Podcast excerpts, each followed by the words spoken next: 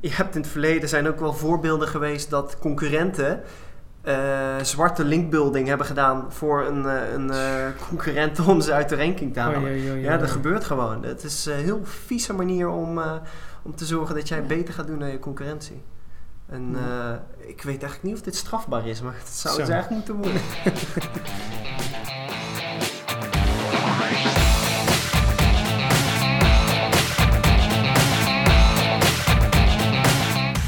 Een hele goede dag en wat leuk dat je luistert. We hebben het gehaald hoor. Aflevering 2. Ja, aflevering 2 van Boer en Brani. Ik, eh, ik zit hier met eh, Milan en eh, met Cornelis. En we gaan het vandaag hebben over zoekmachine marketing. Nou, daar wordt veel over gezegd, daar wordt veel over gesproken. Daar wordt misschien nog wel meer over geblogd. En ik ben benieuwd wat deze twee experts uit het veld eh, te zeggen hebben. eh, hoe je met zoekmachine marketing kan beginnen. Wat de valkuilen zijn. Wat de nieuwtjes zijn. En eh, hoe je het makkelijk goed en snel in kunt zetten. Nou, mooi, dankjewel. Ik denk dat jij er ook nog het een en ander over te zeggen hebt. Oh ja, shit. Eh, Milan, misschien leuk als jij jezelf even voorstelt. Ja, ik zal me even voorstellen. Eh, ik ben Milan, werk bij Content Leaders en eh, ben online marketeer. Wat inhoudt dat ik me veel bezighoud met eh, zoekmachine marketing onder andere. Ik kijk naar de data in Google Analytics onder andere van, van websites van klanten. En op basis daarvan stuur ik bij om beter te worden gevonden in de zoekmachine. Eh, ander onderdeel dat ik daarbij doe is eh, beheren van Google AdWords. Eh, het zogenaamde advertising stuk van Google. En ook daarmee eh, kunnen we ervoor zorgen dat websites hoger komen te staan in Google. Cornelis, wat, eh, wat voor ervaring heb jij met, eh, met Google en met zoekmachines? Dat jij hier ook aan tafel zit? Nee, ik heb eigenlijk alle facetten van SEO en SEA gedaan. Dus zoekmachine optimalisatie en eh, zoekmachine adverteren. Dus ehm, zoekmachine marketing is bij mij wel heel bekend. Oké, leuk. Goed om te horen. Eh, Milan, jij zit eh, elke dag eh, zit je met meerdere klantaccounts. Kijk je daarnaar? Waar, waar let je dan voornamelijk op als je, als je kijkt naar zoek, zoekmachine marketing? Waar hou je mee bezig? Ehm, ik kijk in eerste instantie altijd heel veel in Google Analytics. Daarbij kijk ik naar de rankingfactoren die Google meeneemt. Dus dan kun je denken aan hoe lang zitten mensen nou op de website. Als dat heel kort is, dan eh, betekent dat dat we niet relevant genoeg zijn. Dus dan eh, moeten we wat aan de websitekant gaan doen. Eh, dat zijn dus voorbeelden die, waar ik heel erg naar kijk en ook bijstuur. Ehm dus dan kan het zijn dat we de teksten moeten aanscherpen. Aan de andere kant, als ik bijvoorbeeld in het advertentiegedeelte zit, dus in Google Ads, dat is het SEA-stuk eigenlijk. Daarbij kijk ik heel erg naar eh, hoeveel geld stoppen we nou in lopende campagnes. Dus steken we eigenlijk in eh, zoekwoorden waarop we willen opduiken. En hoeveel levert dat aan de andere kant op? En het belangrijkste is dat wat we erin stoppen, dat dat er eigenlijk aan de achterkant dus eh, ja, dat, daar, dat dat weer meer geld oplevert. Ja. Dus, dus SEO, zeg maar, het gedeelte wat je organisch kunt bereiken en waar je niet voor hoeft te betalen. En SEA, het gedeelte bij Google waar je wel voor betaalt. Ja. Of bij Bing of bij een Zeker. En waarbij het belangrijkste is dat je eigenlijk op SEO in eerste instantie al goed scoort. En dan wordt het ook veel makkelijker om SEA in te zetten. Eh, dus je moet wel, als je hiermee aan de slag gaat, moet je zorgen dat je eh, organisch eh, al goed bezig bent. Wat inhoudt dat je moet weten welke zoektermen je doelgroep gebruikt en daar je content op moet afstemmen. Oké. Hey, en je hebt eh, vorige week een, op ons content marketing evenement, eh Puur Sang, heb jij een sessie gegeven over zoekmachine Ja, marketing. klopt. Daarin ging je in op drie gebieden. Kun je eens even kort toelichten wat dat was? Ja, dat kan ik zeker doen. Ik ben ingegaan toen op eh, de drie pijlers, eh, waarmee ik aangeef wat eigenlijk de rankingfactoren zijn. Eh, en dat zijn factoren waarbij Google rekening, of nou eigenlijk alle zoekmachines rekening houden eh, bij het bepalen van je positie. Belangrijkste pijler is autoriteit. Eh, dat gaat erom dat je eigenlijk aan de zoekmachine moet aantonen dat je een sterk merk hebt. En als je dat kan aantonen, dan heeft dat invloed op je positie. Andere kant heb je een stuk content. Dat is heel belangrijk. Wat staat er Eh, op je website eigenlijk? Precies, Ja. wat staat er nou op je website? Er staat er ook hetgeen op dat, je, dat jouw doelgroep zoekt in Google. Mhm. Ehm, en dan heb je nog een stuk techniek. Het hangt ook allemaal met elkaar samen. Uh, als namelijk mensen via een zoekterm binnenkomen en jouw content willen lezen, moet de techniek wel in orde zijn dat de website snel laat of mobielvriendelijk is. Veel wordt tegenwoordig op mobiel gezocht. Uh, dus dat zijn eigenlijk de drie belangrijkste factoren, ja. En uh, als jij kijkt uh, in hoe, ja, hoe, jij dan naar bijvoorbeeld de bouw van de website kijkt, Cornelis, hou je daar dan ook bijvoorbeeld rekening mee met die organische positie van een website? Of ja, absoluut. Als je een website gaat bouwen, dus de technische kant, dan is van belang dat je allereerst kijkt van hey, hoe is het ontworpen? Staat daar de content in die de doelgroep mogelijk zoekt? Dus even vanuit die helikopterview kijken. En daarna, hoe kun je die content technisch goed op de site zetten, zodat die daarna goed wordt gevonden? Dat wil zeggen dat er ruimte is op elke pagina voor een H1. Dat betekent de kop 1, de belangrijkste kop die je op een pagina hebt. Het is van belang dat daar een van de zoekwoorden in voorkomt waar je op gevonden wilt worden op die pagina. Daarnaast is van belang dat er een aantal H2'tjes zijn, heading 2, uh, eh, heading 3, dat er netjes paragrafen staan, dat er voldoende content op staat. Uh, een wisseling in content, dus niet alleen maar tekst, maar ook afbeeldingen en eventueel video's. En het is van belang dat bijvoorbeeld de afbeeldingen een zogenaamde alt- of title tekst bevat. Ehm, en dat is eigenlijk de tekst die er verschijnt als je met je muis over de afbeelding gaat. Of als die niet wordt ingeladen, dan zie je de tekst van de afbeelding. En Google neemt deze factoren mee in zijn ranking. Hmm. En daarnaast, als je een afbeelding uploadt, is het ook van belang dat je de keywords waar je op gevonden wil, uh, wilt worden, dat je die ook in de afbeeldingsnaam stopt. Want ergens uh, pakt Google dat ook mee. Oké, ja, ik heb ook wel eens gehoord dat als, als, uh, als je rekening wil houden met hoe Google kijkt naar een bepaalde website, en steeds meer en meer, dat je dan eigenlijk, dat, dat je dan eigenlijk de doelgroep voor ogen kunt houden. En hoe makkelijker de doelgroep het antwoord vindt op de vraag die ze zoeken op je website, hoe makkelijker uh, of hoe beter Google ook jouw website uh, uh, reed. Is, ja. is, daar iets van waar? Kun je er iets over zeggen? Ja, dat is, dat is gewoon waar. het is van belang dat je op jouw website de goede content zet, dat je een goede structuur hebt van je site. Dus dat je site, soms is het goed om hem zo plat als een pannenkoek te maken, dat je een homepage hebt en een aantal subpagina's, maar ook niet dieper gaat. Het hangt af van de soort site en de content. Maar soms leent de site zich er ook beter voor om een aantal lagen erin uh, toe te brengen om er een soort van hoofdstukken uh, aan te geven. Uitgangspunt is dat als het voor de gebruiker gebruiksvriendelijk is, dan mhm. is het vaak voor Google ook uh, en voor jouw andere zoekmachines ook zeer geschikt. Um, techniek en content hangen dus echt heel erg samen. Ja. Um, dat is gewoon heel belangrijk. Kun je dat daarover denken? Ja, zeker. Dat zeg je goed. Want dat zie je ook vaak in de cijfers terug. Als de ervaring goed is, dus de gebruiksvriendelijkheid. Uh, dan zitten gebruikers ook vaak lang op de website. Uh, uh, en dat, dat is een factor die mee wordt genomen. Uh, ze klikken vaak naar meerdere pagina's, dus bekijken veel meer pagina's. En uh, zoekmachines die, die zien dat en die belonen je daarvoor mm. ten opzichte van websites waarbij dat minder goed is. Ja. Zie je vaak in de markt sites die de uh, techniek niet op orde hebben? Uh, ja, je ziet uh, zeker vaak websites waarbij de techniek inderdaad niet uh, op orde is. dat verbaast me soms ook wel, omdat als je deze factoren weet, is het eigenlijk vrij gemakkelijk toe te passen. dus je kan daar zeker gewoon mee aan de slag gaan. Het is een kwestie van doen. En je ziet dan ook gelijk de cijfers weer beter worden. En hoe kan een uh, luisteraar, als hij nu luistert en uh, denkt van ik wil weten of mijn site goed is, hoe kan die dat bekijken? Hoe kan die zien of jouw uh, site goed wordt, technisch goed in elkaar zit?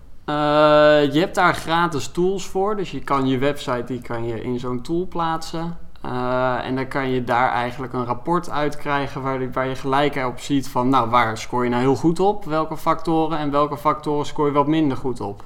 En dan kan je bijvoorbeeld denken aan, komt het zoekwoord terug in je uh, H1? Heb je wel een H1 op je pagina? Um, heb je zogenaamde alt-text, wat jij zei Cornelis, uh, bij je afbeeldingen. En als je ziet dat je dat niet hebt, dan is het eigenlijk gewoon zaak om daarmee aan de slag te gaan dat toe te voegen. Uh, en zo ben je eigenlijk echt actief bezig met de werkzaamheden van uh, zoekmachine marketing. Misschien wel, misschien wel goed om echt even twee tools eruit te lichten. Um, een goede tool om te onderzoeken waar Cornelis het net over had. Eh, is, eh, is Screaming Frog. Daar kun je heel goed zien welke pagina's bevatten dan geen H1, welke H1 zijn te lang. Die is ook gratis. Ja. Dus eh, tot, tot 500 pagina's of tot 500 linkjes kan die volgen, zeg maar. Dus voor kleinere sites is die gratis. En SEMrush is denk ik ook wel goed om te noemen. ehm, waarin je kan kijken hoe goed scoort een bepaald keyword op je website. Maar ook bijvoorbeeld hoe goed scoren concurrenten op dat keyword. Ehm, dus dat zijn misschien wel twee tools waar je mee aan de slag kunt als je je afvraagt hoe zit dat nou bij mij. Ja, Ja. maar Screaming Frog is echt gericht op de techniek. Dus Ja. die kijkt echt naar de code. Ja. En SEMrush die kan dat volgens mij ook als onderdeel. Ja, Maar die is vrij technisch Een ook. aantal andere zaken heel handig. Ja, die is inderdaad vrij technisch, maar je hebt daar ook meer inzicht in eh, het eh, zoekgedrag van je doelgroep. Dus welke zoektermen gebruikt je, doelgroep nou op zoek naar de oplossing? En zo kan je dan ook gaan ontdekken dat, eh, dat er ook synoniemen, nou, dat ze synoniemen gebruiken. En op basis daarvan zie je dan hoe vaak zo'n zoekterm wordt ingevuld. En kan je daar ook weer een keuze in maken. Dat je kiest voor degene waar het meeste zoekvolume op zit. Dat je die terug laat komen in je content. Ja, ik heb zelf wel eens met Google Trends gewerkt ook. Het is ja, soms lastig omdat niet alle zoekwoorden een, ja, genoeg eh, dekkingsgraad hebben in, eh, in Nederland. Eh, maar als je bijvoorbeeld zoekt, ah, moet ik nou op mijn website gebruik maken van het woord boekhouder of juist van accountant, dan kun je goed meten waar zit meer volume. Dus Google Trends is dat. Dus dat kan ook heel, heel Ja, waar, waar Google Trends vooral gebruikt om trends te spotten. Mhm. Ehm, volgens mij is Google Keyword Planning hier nog geschikter voor. Ehm, Ja. Omdat je hier in een tabel, je, je geeft een aantal keywords op en dan krijg je een tabel met ook relevante keywords. Die vervolgens ehm, eh, ook laten zien wat het zoekvolume is op al die keywords. Dus in één zoekopdracht heb je gelijk ook allerlei relevante eh, zoekwoorden. En dat is ook een gratis tool. Dus je moet Ja. wel een account hebben bij eh, een Google account hebben. Ja, en dan kun je gebruik maken van de Google Keyword Planner. Ja, zit in, eh, in Google Ads. Eh, en die gebruiken wij zelf hier heel vaak, omdat het gewoon een hele fijne tool is. Je krijgt veel inzicht in andere relevante zoektermen rondom de term die je invoert. Je krijgt ook wat inzicht in, stel dat je daarop wil adverteren, hoeveel een klik ongeveer kost. Dus je ziet de mate van concurrentie of... eh, eh, concurrenten ook op die zoekterm eh, inzetten. Dus dat zijn wel interessante statistieken. Ja. Kun je daar ook voorspellen wat je budget moet zijn voor een dag om bovenaan te staan bijvoorbeeld? Je kan daar zeker wel een. het, het is een, een schatting, maar je kan daar zeker wel wat uithalen. Je kan wel zien als er veel concurrentie op zit op zo'n zoekterm. eh, bijvoorbeeld accountant of boekhouder. Nou, accountant is een term waar meer op wordt gezocht. Eh, dus daar zitten ook meer concurrenten op. Eh, en die bieden elkaar eigenlijk omhoog. Dus daarbij moet je inderdaad meer betalen. En dat krijg je ook te zien hoeveel een klik ongeveer kost. Het is echt een soort van online veiling, toch? Het is een online veiling inderdaad, eh, waarbij er ja, meerdere eh, partijen zijn die op die zoekterm bieden. En je biedt elkaar dus eigenlijk omhoog. Eh, je biedt tegen elkaar op, waardoor die kosten hoger komen te liggen om eh eerste te komen te staan, zeg maar. En Dat is dus eh SEA, dus Search Engine Advertising. Hey, en eh, wat voor factoren neemt Google mee om jouw eh, eh, biedingskosten te betalen? Want het gaat niet alleen om wat je biedt, maar ook om wat er op die site staat. Ja, klopt. Veel mensen die denken van nou als ik aan de slag ga met advertising, dan moet ik veel bieden, want dan kom ik bovenaan te staan. Eh, belangrijkste is eigenlijk de kwaliteitsscore. De, dat wordt ook wel de relevantiescore genoemd. Eh, wat de truc is, is dat als je inkoopt op een zoekterm, dat die eigenlijk terugkomt in je advertentieteksten eh, van Google Ads. En dat die terugkomt eh, op je pagina, in de pagina-URL, de paragrafen, de titels, noem het maar op. Als je dat goed voor elkaar hebt, dan zie je ook in de kwaliteitsscore dat je daar een hoog cijfer krijgt. Het loopt van 1 tot 10. Eh, en die neemt Google zwaarder mee in de veiling dan het bot. Dus het kan zijn dat als je iets minder biedt dan je concurrent, dat je toch boven hem komt te staan, omdat je relevantie beter eh, voor elkaar hebt dan de ander. Ja, ook hier kijkt Google eigenlijk weer naar eh, hoe, hoe groot is de kans dat de gebruiker vindt wat hij zoekt. Precies, want dat vindt Google het allerbelangrijkst, dat ze aan hen gebruikers, die zoeken iets, dat ze wel hetgeen geven dat ze zoeken. Want anders eh, schuift die gebruiker dat toch op Googles naam af. Ja, Eh, Stel, ik heb een, eh, ik ben inderdaad accountant en ik zit in Zwolle. Maar ik wil ook gevonden worden als iemand accountant Apeldoorn zoekt. Maar Apeldoorn komt niet terug op mijn pagina. Hoe kan ik dat dan, kan ik dan doen? Ja, dat, eh, nou, het belangrijkste is dus dat we dan gaan kijken van oké, hoe gaan we dat dan voor elkaar krijgen? Als ik zo hardop denk, zou ik iets gaan doen met vestigingspagina's. Eh, en dan kan je namelijk heel mooi dus de plaats koppelen aan de term accountant. En kan je dus zo inzetten op verschillende plaatsen. Dus dan maak je pagina's aan eigenlijk om je kwaliteitsscore omhoog te krijgen. Ja, precies. Dan, Afhankelijk van ja, die term. Ja, dan krijg je een hoge kwaliteitsscore omdat die eh, accountant eh, Amersfoort komt terug op die pagina dan waar je naartoe verwijst. Ja, En je zorgt er dus voor dat je die pagina volledig optimaliseert is, dat die technisch goed in orde is, dat er een H1 is met die keywords erin, dat het een paar keer terugkomt in de content. ja daar zorg je voor. En eh, als je dat doet, dan eh, zie je eigenlijk altijd dat de kwaliteitsscore gewoon eh, heel hoog staat. Dus de- ja, dan ben je goed bezig met zoekmachine marketing. Oké. Ehm, hoe kan, kan iemand hiermee beginnen? Als hij zegt ik wil eh, starten met, eh, met zoekmachine marketing, wat is een allereerste stap voordat je eh, echt begint?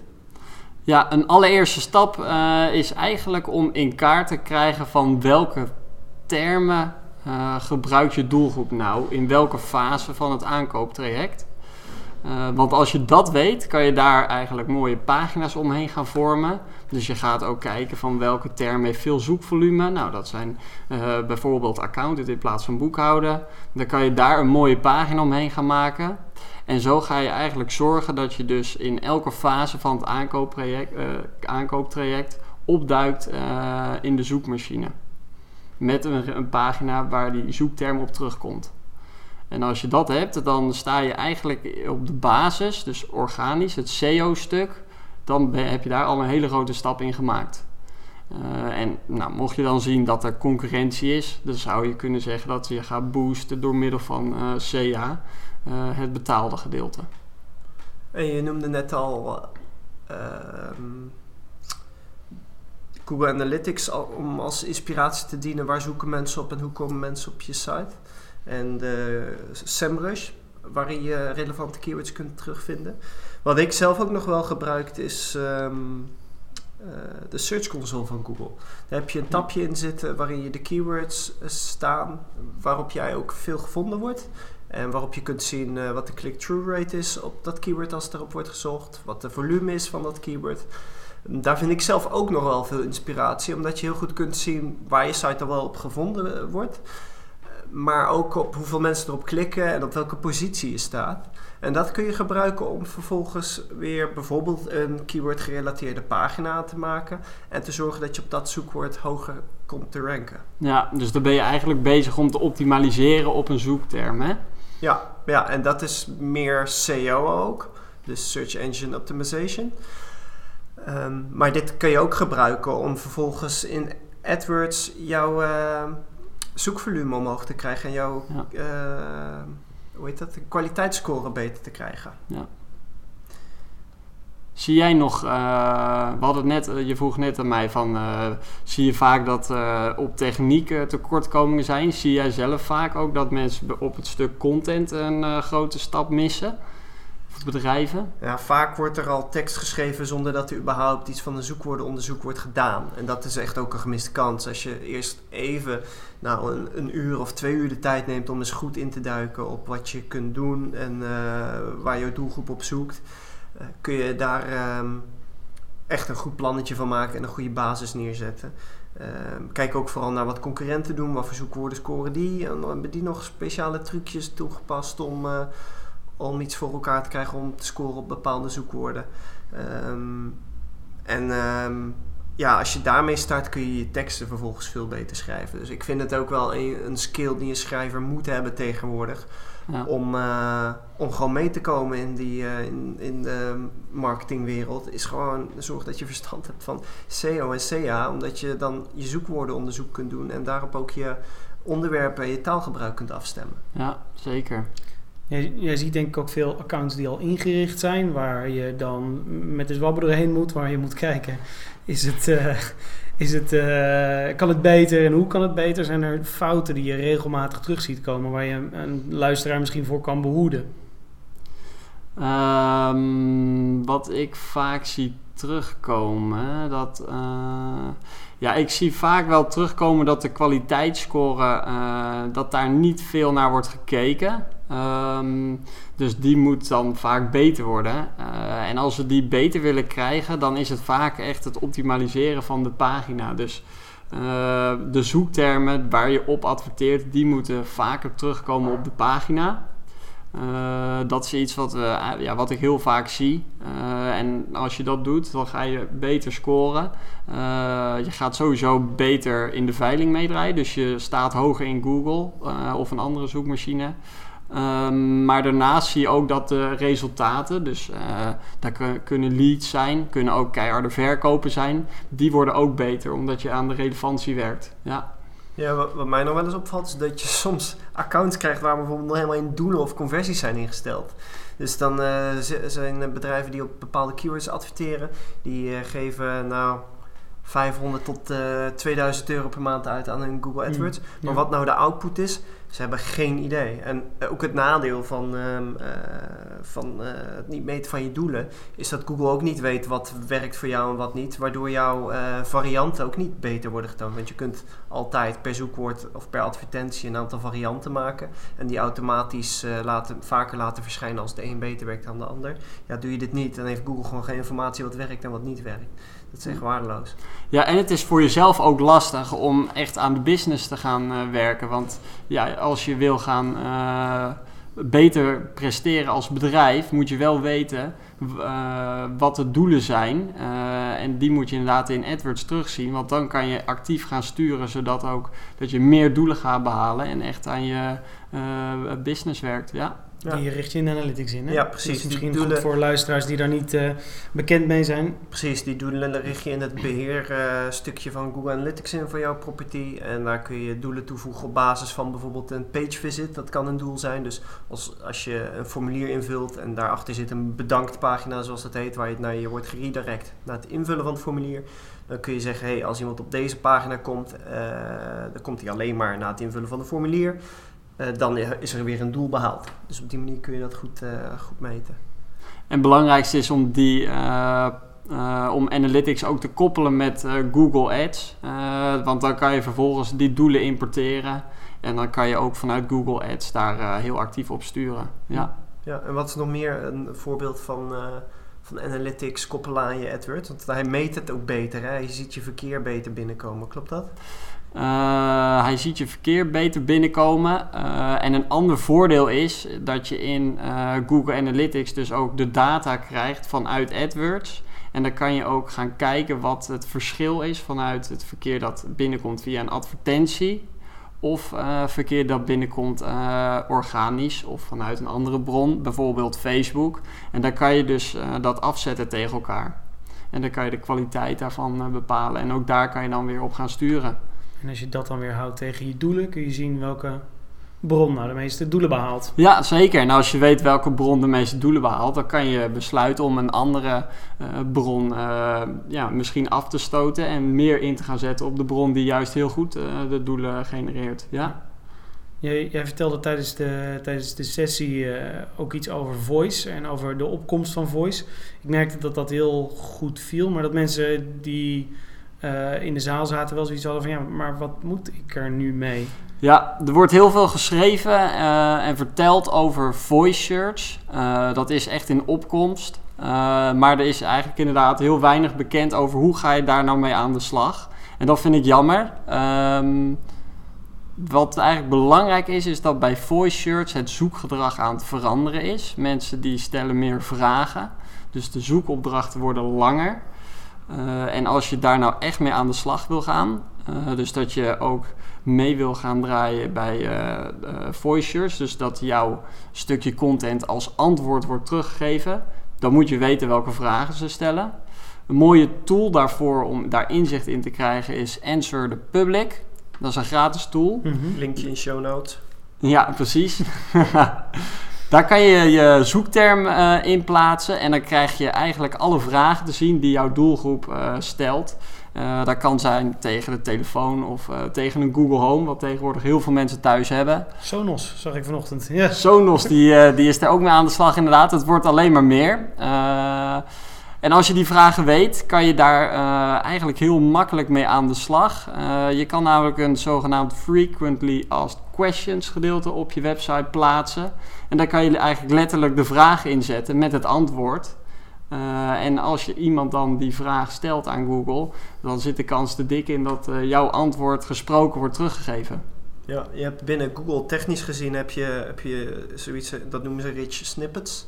Uh, dat is gestructureerde data eigenlijk, die je op een bepaalde manier op je site zet. Uh, simpel voorbeeldje bijvoorbeeld is jouw contactgegevens. Als je daar een aantal tags omheen zet en dat op een manier bij Google aanlevert, uh, zodat Google dat begrijpt, dan kan die beter tonen waar jij, waar jij gevestigd bent. Um, ander voorbeeld waar je dit voor kunt gebruiken is bijvoorbeeld je openingstijden. Als je dit ook technisch uh, volgens de regels van Google in de gestructureerde data zet, dan uh, kan als iemand openingstijden content leaders zoekt, zal die ook zien 07.00 tot uh, 6 uur. ja, ben je weg? dus dat, dat, is een uh, slim trucje om, uh, om met je technische mensen eens, eens te bespreken hoe je dit beter kunt inrichten in je website. ik merk wel dat als je bijvoorbeeld beperkt wordt in je CMS, of als je er zelf niet in kan, of als je, uh, um, ja, als, als je CMS niet zo vrij is, dat, dat je hierin wel uh, de beperkingen gaat ervaren. Absoluut. En dit, dit is al een best wel een lastig ding, dus vaak zul je al een developer moeten inhaken. maar er zijn ook CMS'en waar dit überhaupt vrijwel onmogelijk is. Mm. Ja, waardeloos. Ja, verander van CMS alsjeblieft. Als dit niet kan, dan uh, ga zoek, op zoek naar een betere. Dat is wel uh, topic voor een volgende podcast volgens mij. Migratie van een website. Want, uh, dat is wel een ja. idee. Ja. is vrij, er komt vrij veel bij kijken tegenwoordig. Sowieso hebben we een hele hoop tools genoemd vandaag. Misschien goed om ze sowieso allemaal even in de notes op te ja, nemen. absoluut. Onderin. Dat zeker doen. Ja. Um, om, omdat die voice searches langer worden, uh, dus de zoekopdrachten door voice worden, worden langer, dan ga je ook op de longtail noemen ze dat, hè? Ja. Dat is al sowieso een trend wat je de laatste jaren ziet, geloof ik. Ja, ja daar werd uh, een paar jaar terug ook al heel erg over gesproken. Ga allemaal aan de slag met de longtail. Uh, is ook zeker goed, want het is heel specifiek. Um, toen werd dat heel erg gebruikt als mooie term, maar tegenwoordig uh, is dat wel echt een must eigenlijk. Wil je uh, op gaan duiken in Google met uh, voice search. ander bijkomend voordeel is dat als je in gaat zetten op de longtail, dus als je die vragen eigenlijk meer in je content gaat opnemen, het antwoord daarvan, is dat je ook ehm, ehm, een featured snippet gaat krijgen in Google. Uh, wat eigenlijk inhoudt als je zoekt op bijvoorbeeld uh, marketing, zie je in Google eigenlijk al het antwoord staan. Uh, als je die longtail inzet, dan kun je dus eigenlijk ook al een plekje, dus een, een, fragment van jouw content wordt dan al in Google weergegeven. Um, en dat voordeel is dat, uh, ja, dat jij eigenlijk de enige bent die uh, daar staat en je concurrent niet. Plek 0 noemen ze dat toch? Plek 0 noemen ze dat inderdaad. Uh, iedereen die zegt, die zei altijd, we moeten op plek 1 staan. Nou, tegenwoordig zeg ik, we moeten meer op plek 0 gaan staan. omdat mensen eigenlijk door de komst daarvan heel vaak niet meer doorklikken. Ja. Dus het zijn heel vaak zoekopdrachten waar het antwoord eigenlijk al direct wordt gevonden zonder verder te klikken naar een pagina. Ja, sites die dit bijvoorbeeld heel goed doen is uh, Wikipedia. Die komt daar heel vaak ja. uh, naar voren. Die hebben bijvoorbeeld ook hun rich snippets heel goed voor elkaar. Die zijn op gebied van autoriteit, gaan we zo nog wel even op in. Zitten ze heel goed. Ze hebben goede content. Ja, dus ja die doen het heel goed. Ja, zeker. Ja. ja. dus je moet, ook nu zie je weer eigenlijk dat je die drie uh, factoren inderdaad goed voor elkaar moet hebben. content, dat je in moet zetten op de long tail, maar wat je net zei met de rich snippets. dat is een stuk techniek. Uh, en als je autoriteit erbij hebt, ja, wat Wikipedia dus inderdaad heel goed heeft, uh, dan zie je echt dat dat werkt. Ja. Wat betekent autoriteit? Laten we het daar eens even over hebben. Ja, wat betekent autoriteit? Um, de autoriteit die laat eigenlijk aan de zoekmachine zien uh, of jij een sterk merk hebt. en daarbij worden factoren meegenomen, hoe ze dat bepalen. Aantal directe websitebezoekers is een voorbeeld. Uh, als je zegt, ja, hoe, ga, hoe kan ik dat dan voor elkaar krijgen? Nou, zorg ervoor dat je een URL hebt die kort is en die uh, bij mensen in het hoofd blijven zitten. want dan verhoog je de kans dat het aantal directe websitebezoekers omhoog gaat. maar zorg, ja, autoriteit wordt ook bepaald op basis van hoe lang mensen op je website zitten, hoeveel pagina's bekijken ze. Wat is het bounce percentage? Als dat laag is, dan heb je waarschijnlijk hele goede content. Uh, stuk linkbuilding. Dus als er andere domeinen, andere websites naar jouw website uh, doorlinken, nou, dan ziet de zoekmachine eigenlijk dat jij dus wel een, stuk goede content hebt. Uh, omdat anderen daarnaar verwijzen. En dat, dan, dat is echt een, een heel belangrijk element voor bepalen van de autoriteit. Wat is, wat is linkbuilding? Kun je dat even iets verder uitlichten? Ja, linkbuilding is eigenlijk dat je andere externe websites naar jouw website laat doorverwijzen. Ehm, en daar kan je bijvoorbeeld denken aan brancheverenigingen. Daar zit jouw doelgroep veel op. Uh, dus als je daar uh, een, je een link achterlaat van een pagina met relevante content, haal je eigenlijk uh, verkeer binnen vanaf de branchevereniging website naar jouw website. Het is jouw doelgroep ook, dus waarschijnlijk blijven die ook lang op jouw website. en zo, ver, ja, zo gaat je autoriteitsscore omhoog. Ik heb wel eens gehoord dat als je aan linkbuilding doet en je doet dat met websites die of niet relevant zijn of een lagere autoriteitsscore hebt dan jij zelf hebt, dat dat juist averechts kan werken. Ja, klopt. Um, als je bijvoorbeeld je link achterlaat op een website waar jouw doelgroep niet zit, uh, dan is de kans ook heel groot dat als ze op jouw website komen, dat ze direct weer weg zijn. Uh, en dat werkt natuurlijk negatief voor je autoriteit. Ja. Dus je moet goed nadenken waar je je URL achterlaat. Uh, of daar wel echt jouw doelgroep zit. En kijk ook als je dat hebt gedaan of de statistieken goed zijn. Als je ziet dat bezoekers vanaf de andere website kort op je website zitten, mm -hmm. dan moet je daar wel wat mee doen. dan zou ik zelf kijken of je die link weg kan halen, omdat je eigenlijk anders aan de verkeerde kant aan het werken bent. Ja. Ja, en uh, kijk, er zijn een aantal dingen die meespelen bij een linkje die je hebt.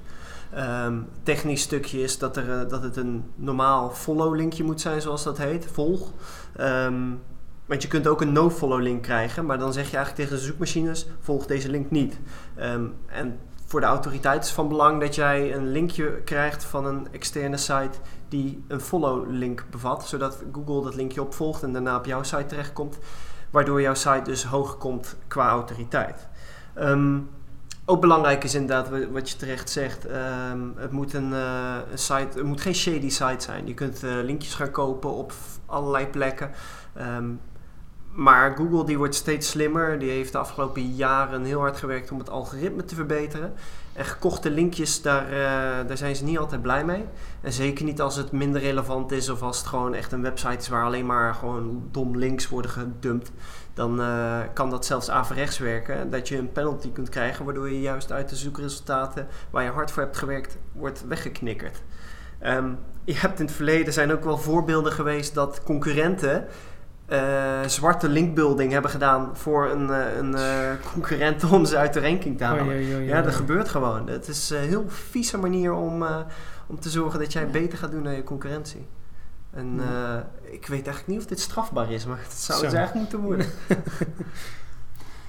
Cornelis, zie jij vaak ehm, dat bedrijven linkbuilding onderschatten?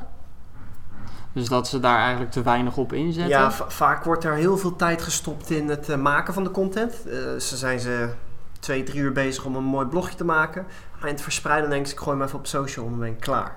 En dat is echt zonde. Um, wat, je, wat je beter kunt doen is zeggen, ik verdeel die tijd 50-50.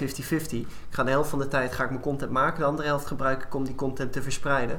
En dat kan dus bijvoorbeeld zijn om, uh, um, om uh, een, een, mailtje uit te doen naar eventuele influencers of, of andere mensen die belang hebben bij jouw blog. Om ervoor te zorgen dat zij jouw blogje opnemen.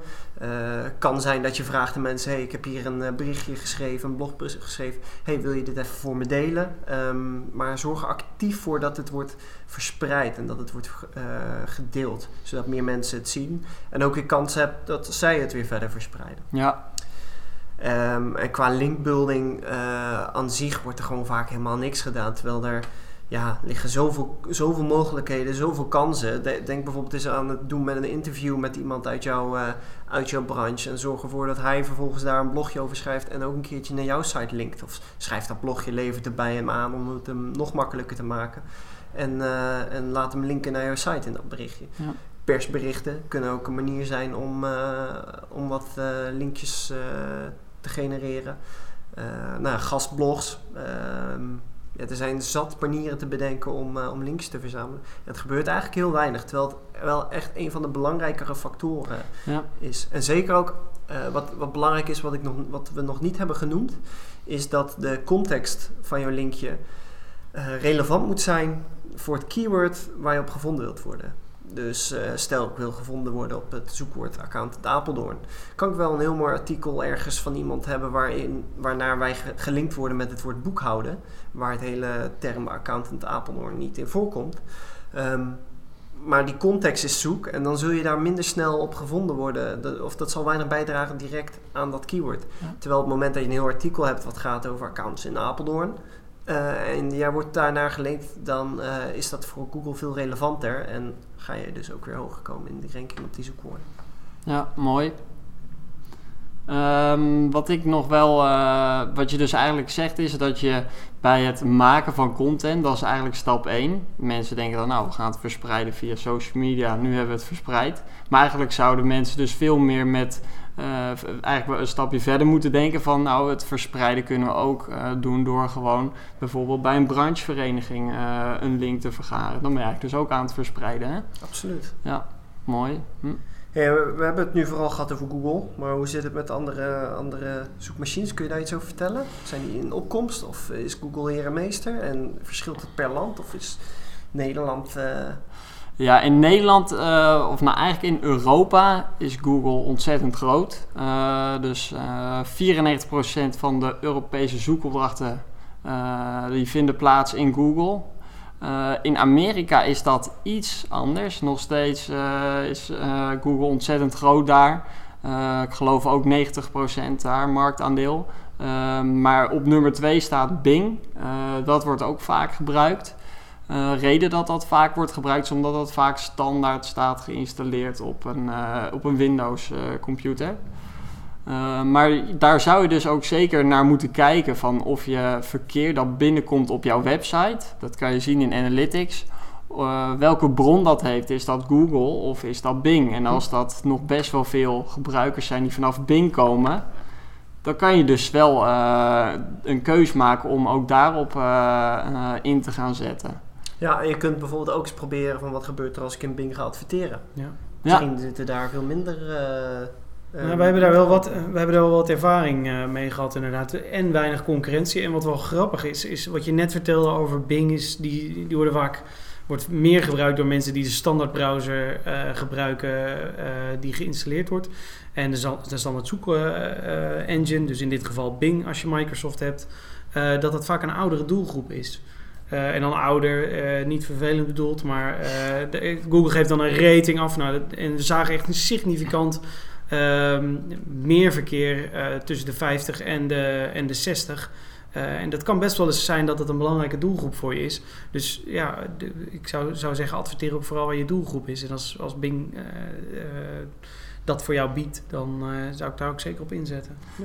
Ja, dus als luisteraars een doelgroep hebben die wat, wat volwassener is, zeg maar, dan zou je zeker zeggen van ga eens even kijken of Bing uh, mogelijkheden kan bieden om daarop in te zetten. Ja, het is misschien een beetje een, uh, een bolde uitspraak, maar ik, ik zou dat zeker onderzoeken en kijken in je analytics of Google daar die leeftijd uh, gradatie ook aangeeft. Dat ja, het kan best wel eens uh, een belangrijk uh, gedeelte van je verkeer zijn. Ja, überhaupt kan het lonen om, om gewoon eens even een keer een proefje te doen op Bing met Bing Ads. Het is echt niet zo ingewikkeld. Het lijkt heel erg op Google Ads. Je kunt ze volgens mij importeren ook vanuit Google Ads. Ja. ja. dat doen ze heel slim. Dus uh, ja, probeer dat gewoon eens. En probeer eens een paar maanden uit en kijk eens wat het doet. Misschien werkt het wel heel goed voor jouw doelgroep. Ja, gewoon de cijfertjes naast elkaar zetten en op basis daarvan kan je dan altijd weer verder kijken wat werkt nou best voor mijn uh, bedrijf. Precies. Ja. En een specifieke klant waar ik het eh, net over had, daar, eh, daar, daar was het eh, niet een groot aandeel. Het was 5 of 6 procent van al het zoekverkeer. dus eh, inderdaad wel vergelijkbaar met de cijfers die je eerder noemde. Ja. Ja. Hey, en ehm, eh, video en zoekmachine marketing. Wat Ja. eh, kun je daarover vertellen? Ja, dat is een eh, video is eh, heel dat ja dat daarmee kan je echt wel eh, goed inspelen op die factoren. Wat namelijk heel mooi is aan video is dat als je een video op je website hebt staan, mensen kijken heel erg graag naar beeld. Dus mensen klikken heel vaak die video aan om een video te kijken. Liever dan dat ze een tekst gaan lezen. En het voordeel dat dat met zich meeneemt, is dat die bezoekers gelijk ook heel lang op jouw pagina zitten. Eh, en dat, dat vindt Google hartstikke fijn. Eh, andere zoekmachines overigens ook. Eh, want daarmee laat je dus eigenlijk zien dat jij content hebt, op je pagina hebt die heel relevant is. Dus met video aan de slag gaan is zeker een goede. Ja. En ja, het helpt natuurlijk ook als je hem op YouTube zet. Want dat is van Google. Vindt Google nog leuker als je hem daarop plaatst.